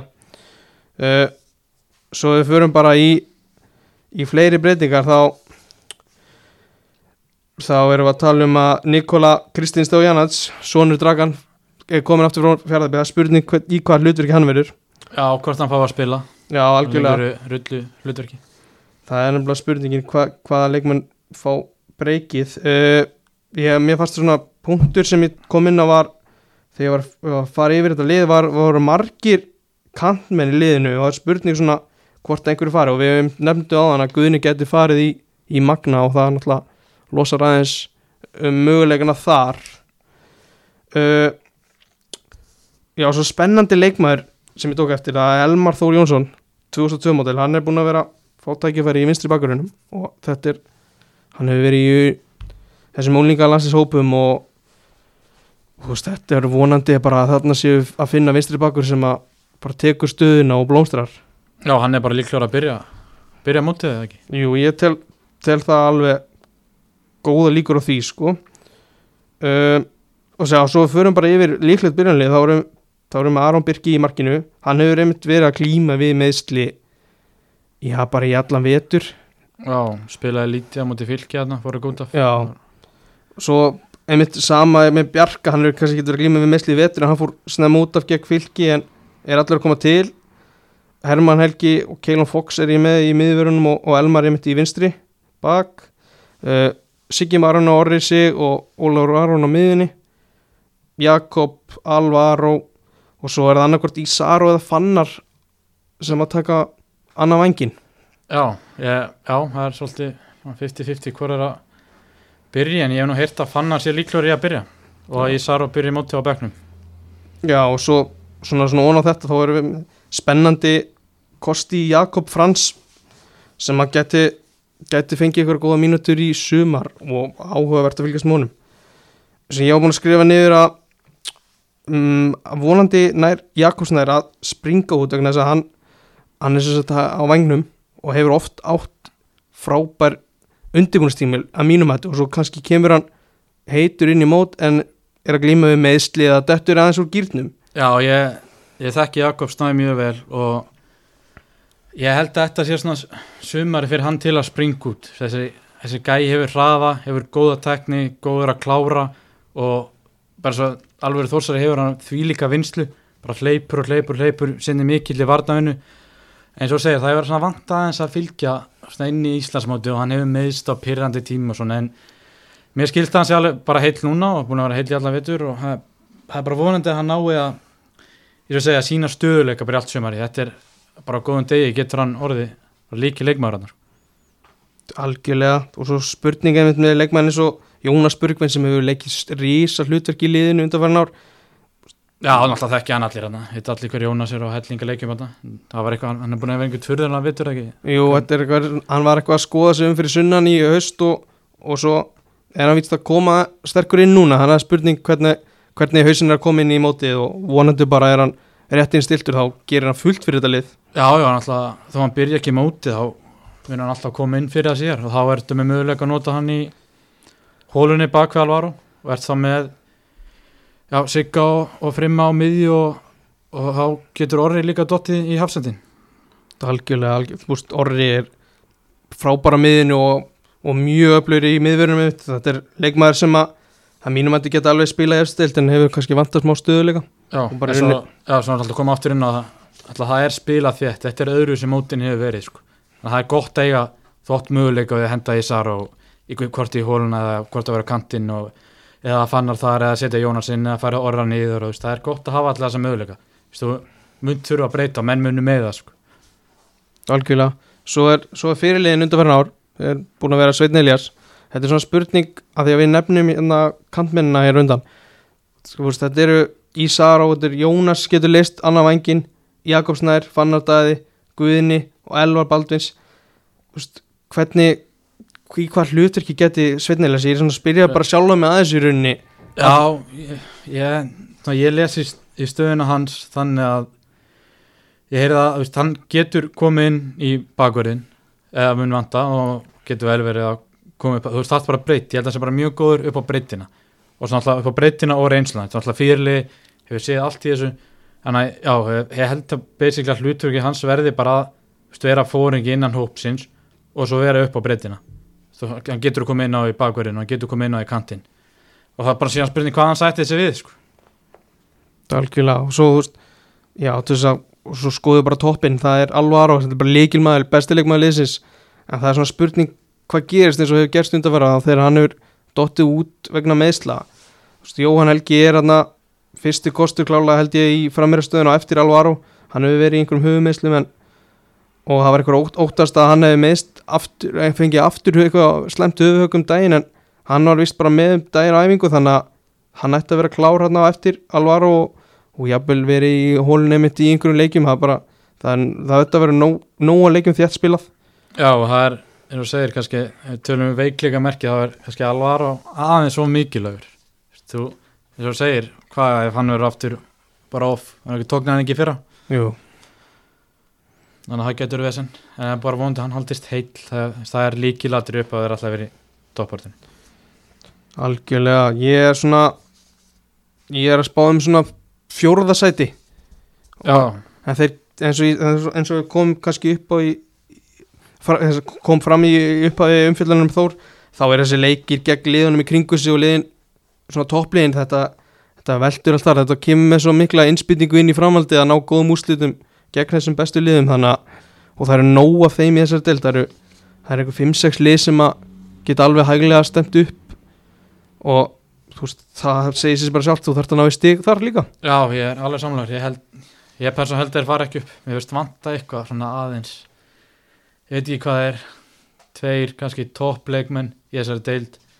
Og þá getur alveg bara stum ég reyndar heldur að geti aðeins bara stum en hann mun nei, hann vantar, aðeins aðeins upp á, þannig að ég er alveg sammála sammála fjórðasættinu sko. Algjörlega þetta er Þetta verður spennandi sumar hjá þóssurunum Þetta er, við ætlum að fara í káa að lókum já. Það hefur verið mikið rætt og rítan þá. Þú veist ég ég veit ekki alveg hvar ég hef þetta káalið Þú veist, þetta er eins og förum bara snögt eins og fyrir það þeir voru í fallbárat það voru bara örfár umferð eftir sko. það kannski gleymist ekki en sumi gleymið og síðan bara allt hennu búm lenda er í fimmtasæti sko, að að vinna allir restin en það var samt stutt í falli sko. þannig að ég veit ekki og svo Elvar meittur hvaðan eða mörkinu koma að spyrja þig Ásgeir, hvernig standið honum? Áskir á að vera klár það sem ég hef heyrt og svo er Gibril, hann kemur í vetur, þetta er spurning hvað hann getur komið með í lið Já, alltaf má ekki dæma hann of stemma sko en ég heyrt það sé en ekki allir alveg kannski nógu ánæður með byrjunni það alltaf ekkit, ekkit við til að vera að dæma það strax en hann er saður mjög efnilegur sko. En já, það verður bara koma í ljós en þeir hafa ekki litið vel út í æfingarleikunum eftir COVID. Þeir ættu alla að færa að nóti fylki reyndar að fylkir heldur ekki færa þetta bara umlega leikur frá til lög sko en og svo heyrði ég alltaf að gera 0 í aftóndi magna, jú það var kviltingur í gar en spilu líka margir sterkir og ég er það Óli Þjálfur hefði alls ekki verið sátt fyrir þetta hannleik það vildi bara sjá sína menn klára svona leiki bara stimpla inn á klára svona leiki. En já, það Þú með eitthvað? Já, þú er rauninni eins og þú segir það voru, þetta voru slappir slappir leiki núna á undarförnu Já, og ekki var það fallegt á móti viking í, í vetur en, Nei. En fyrst þú segir nefnir markaskoruna þá verði það að treysta áfram á grímsa þar líka að hann skil einhverjum 5, 6, 7 mörgum Já, hann mun gera það. Algjörlega og svo og nökkvi mun væntilega spila stærra hlutverk heldur en í fyrra. Hann er spenn, mjög spennandi leikmaður Já, já, ég held bara hann bara byrja inn á upp á topp með, með geira sko. Og það getur verið öflutt, öflutt framverðbar algjörlega hann alltaf blómstraði 2018 í þriðutildinu hann þarf alltaf að sína sig já, enn betur á stærsta sviðinu Já, já, nokkulega en, já, og ég veit það ekki að við skoðum komin í fartir svona hratt Kvist kemur, Vardamæður, Rodrigo kemur það er stert, Gunnar Örvar kemur frá Magna og Gibril það er að fá þarna tvo strækjara sem er kannski fínt að þetta spila með tvo frammi að breytt þar og svona það Sveitmarkir, hann getur fengið eitthvað hlutverkana. Farnir, Villa, Spánverinn farin, Torfi farin aftur í fjölni Kallum og Elvar eh, til Elvar sem farin, spila ekkert í sumar Þetta er náttúrulega tveir risapústar já, þú veist, Callum er bara var, mér, að mínum þetta bara gífulega vannmetinn hjá Káa en þú veist, þetta kom, þetta kom svona setni síðasta ári í rauninni, þá f- sáu menn hversu megnur hann var, bara frábær leikmaður Já, hann var bara svo stöður sko. og ég bara á sínu degi þá fannst maður bara með hans betri miðurum deildarinnar sko. það er mitt mat sko. algjörlega yfirvegaður og bara, já, eins og segja, skilaði bara alltaf sínu bara stöðuleiki, stöðuleiki það er það sem þú vilt frá varnamanni Já, nokkulega og svo alltaf fyrir hins spannveri líka sem kannski er og reyndir ekki náðu sátti með hann en heima betri hann að svo villar grófum fer vinstri bakverður og fremmi fer í þór alltaf var lána magna Já, þetta eru svona breytingarnar. Já, og eins og segir að Callum og, og Elvar þeir eru ekki með. Nei, en þeir sko, þeir náttúrulega spila með spila þessu fræga þrýr 5-2 kerfi, þarna gengur ömulega í fyrra.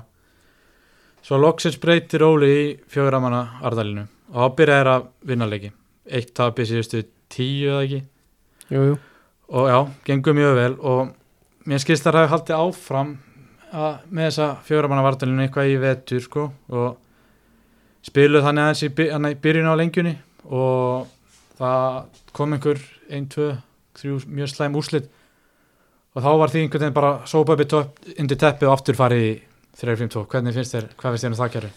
það er aðdeglisvert, þetta er eitthvað sem að Óli er að haldi í og vill, vill bara þróa áfram og ná að fullkomna einhvern veginn hjá Káa finnst, mér, mér finnst þetta bara að líta þannig út að hann ætlar, ætlar sér að láta þetta ganga svona. En ef að fjórir fjöguramanna vörnir er eitthvað vara áallin þá hefnast hún frábælega í fyrra.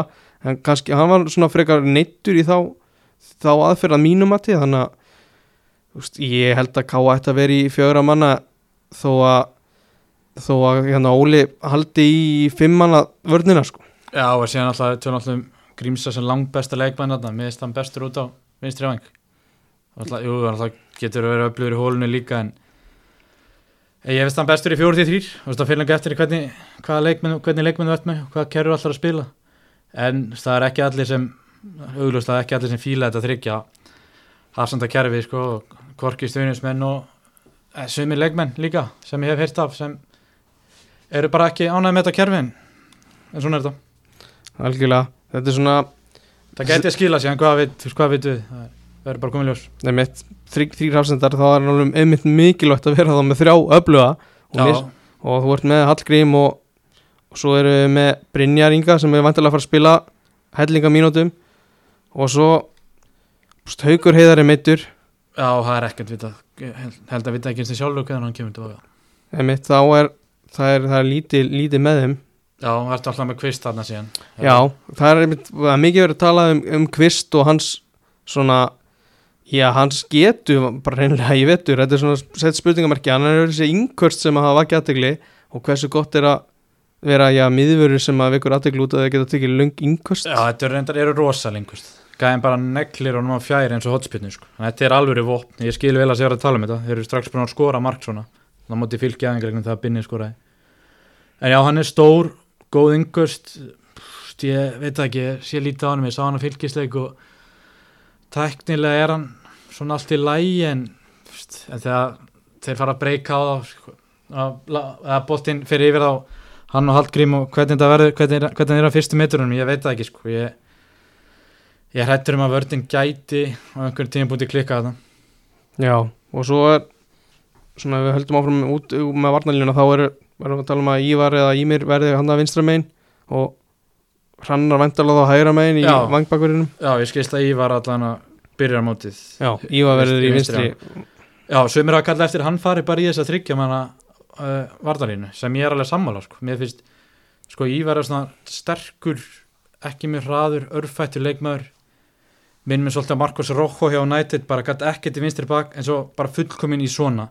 Ég er ekki að segja Ívar geta ekkert, hann er flottur í bakverðinu en ég held að hann sé svona betri ef hann væri í tryggja þá geti mögulega fært hann og eitthvað fært til í vördinu og þá geti Ímir, geti notað á báða, kannski gerist það en alltaf, þetta er bara möguleiki. Einmitt, einmitt.